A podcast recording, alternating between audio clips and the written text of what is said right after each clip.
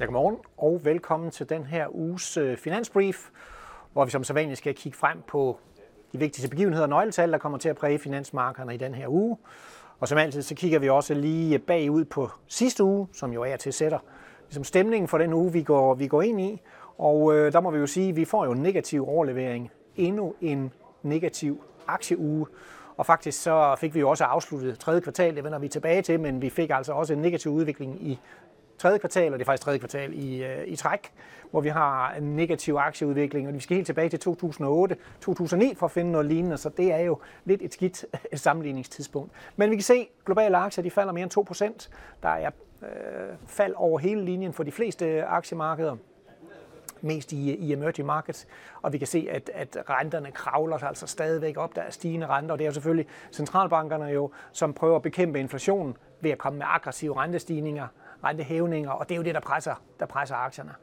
Selvom vi har negative øh, aktiemarkeder, så har vi også været vant til i lang tid at se en stærkere dollar, men for en gang skyld så vi altså, at dollaren faldt lidt øh, tilbage her.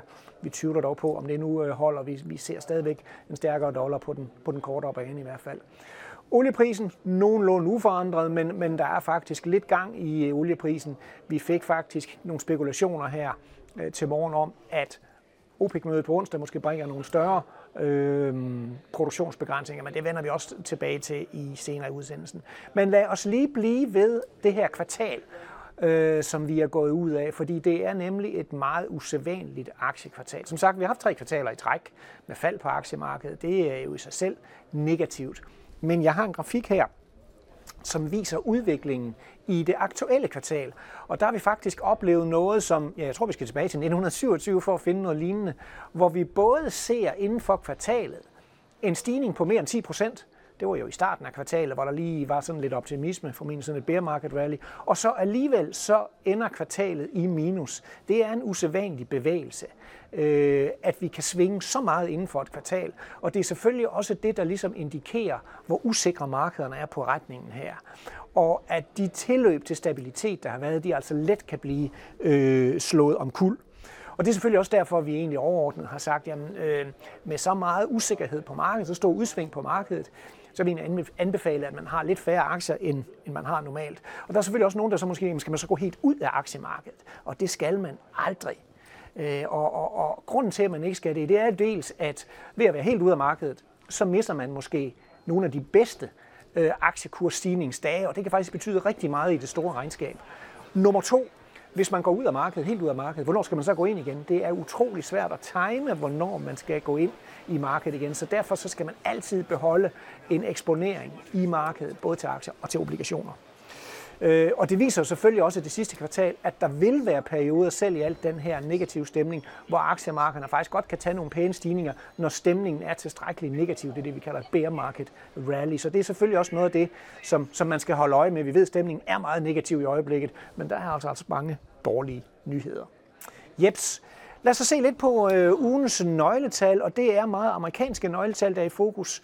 Vi starter egentlig med øh, ISM, som er den her amerikanske konjunkturindikator, der ligesom måler temperaturen i økonomien, og som har haft en god evne til at forudsige, hvad skal der ske i økonomien, og vi får den jo allerede fra september. Og øh, den ligger over 50, som er niveauet for fremgang, tilbagegang, så vi ligger stadigvæk i fremgang, men den bliver jo altså presset, øh, må vi sige, både af lavere aktivitet i Kina og i, øh, i eurozonen, bliver presset af højere lager, bliver presset af faldende boligsalg, og vi ved også, at dollaren har været stærk, så vi forventer altså, at ISM kommer til at tage et lille dyk her, øh, når vi får den her, og det er altså en, som markedet altså også kigger ganske meget på. Øh, et andet vigtigt nøgletal, ja det er fredag, hvor vi får den amerikanske jobrapport, og det er jo så den, der ligesom, kan man sige, samler det hele omkring amerikansk økonomi. Og øh, pudsigt nok, kan man sige, for aktiemarkedet, så vil den bedste jobrapport, det vil faktisk være en, hvor, jobrapport, hvor, hvor jobvæksten er lidt svag. Og hvorfor nu det? Jo, det er jo fordi, at aktiemarkedet kigger på jobrapporten gennem centralbankens briller. Og aktiemarkedet vil gerne have, at centralbanken ligesom signalerer, ah, nu er vi mindre aggressive, nu går vi knap så hårdt til rentestigningerne. Og det kunne blandt andet ske ved, at jobrapporten er lidt svag for amerikanske centralbank. Fed har selv været ude at sige, at vi, vi leder altså efter, at der kommer noget mere svaghed i jobmarkedet, for det er for os et signal om, at vores pengepolitik den rent faktisk virker. Så en øh, jobvækst, der er lidt svag. Vi skulle gerne komme under de 200.000. og selvfølgelig lønstigninger, der heller ikke må være for stærke. Det vil være det bedste for aktiemarkedet. Får vi en, en brølstærk jobrapport og stærke lønstigninger, så er det den, den værste cocktail for aktiemarkedet i, øh, i virkeligheden. Så, så et vigtigt tal her i, øh, i slutningen af ugen, og, og man skal næsten sidde og håbe på, at, at den bliver lidt til den svage side, øh, i hvert fald som, øh, som aktieinvestor. Forventningerne i markedet det ligger på en fremgang i beskæftigelsen på 250.000. De sidste tre måneder har vi faktisk ligget på et snit på 400.000, så den, den, den skal altså lidt ned for at vise, at pengepolitikken virker. Endelig så vil jeg lige øh, highlighte, at vi altså også har et øh, OPEC Plus møde her på onsdag, og der er faktisk lidt spekulation om, at der kan komme en, en større produktionsnedskæring, måske med på mere end en million tønder.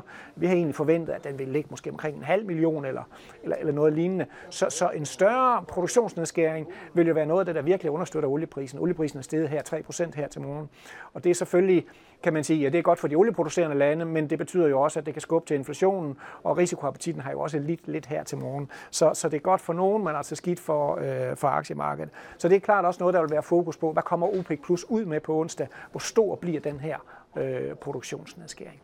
Jeps, det var det hele. Tak fordi du kiggede med.